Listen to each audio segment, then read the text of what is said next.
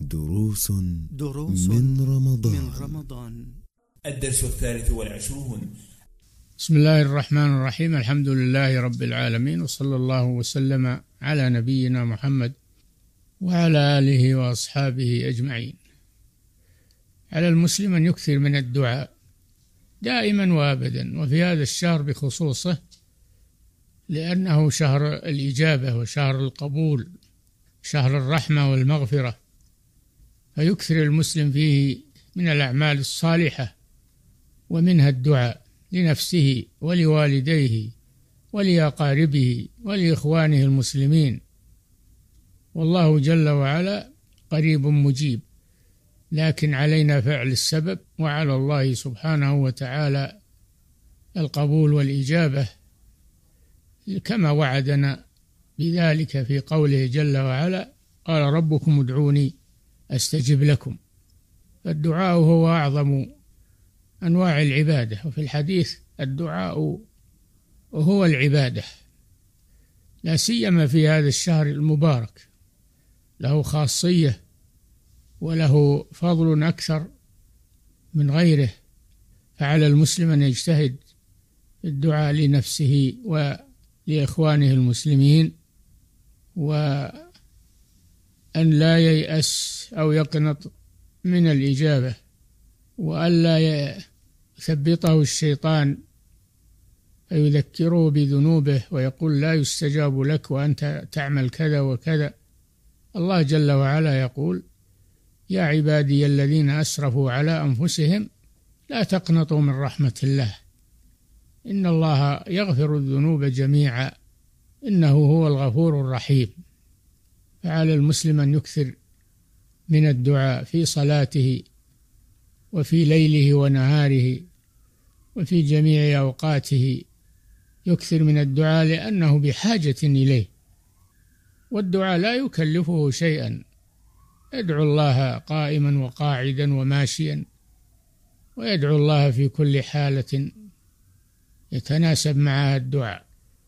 وهذا شهر الإجابة وشهر الفضل. شهر القبول وشهر المضاعفات للأجور. على المسلم أن لا يحرم نفسه من فضائل هذا الشهر ويميل إلى الكسل والخمول أو يقنط من رحمة الله وييأس من رحمة الله.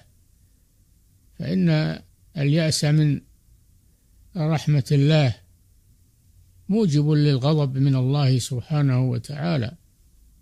يا عبادي الذين أسرفوا على أنفسكم لا تقنطوا من رحمة الله.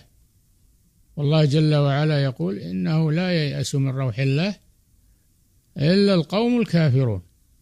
فمهما عظمت ذنوب العبد وخطاياه فإنه لا ييأس من عفو الله ومغفرته إذا تاب إلى الله واستغفر. وأنيبوا إلى ربكم يعني توبوا إليه.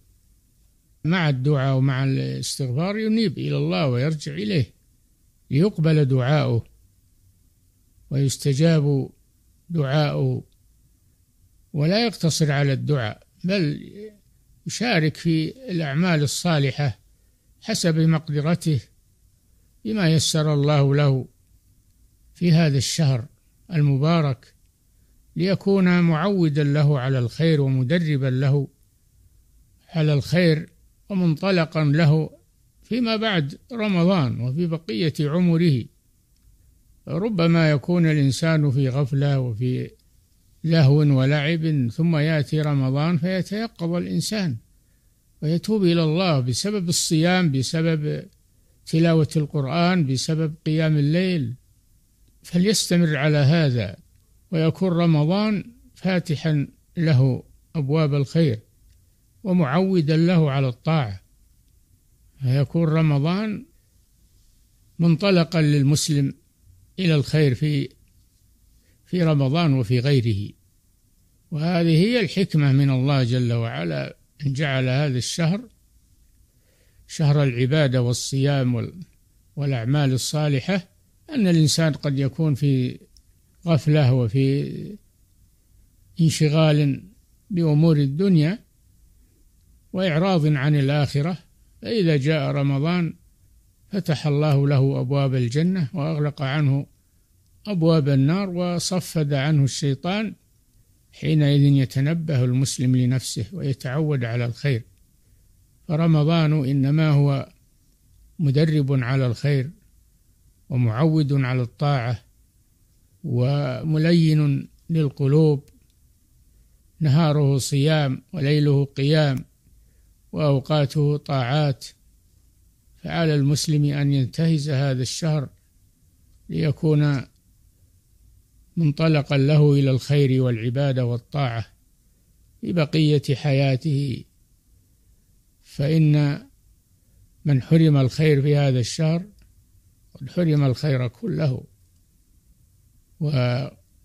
وقد جاء أن الرسول صلى الله عليه وسلم صعد المنبر فقال آمين آمين آمين. فقالوا سأله أصحابه عن ذلك قال إن جبريل أتاني. فقال يا محمد من أدركه شهر رمضان؟ فمات ولم يغفر له فدخل النار. قل آمين فقلت آمين. قال ومن أدرك أبويه أو أحد أو أحدهما فلم يدخلاه الجنة فمات فدخل النار.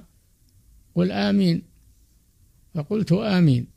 فهذا الشهر شهر عظيم وفق الله الجميع لما يحب ويرضى وصلى الله وسلم على نبينا محمد وعلى آله وصحبه أجمعين.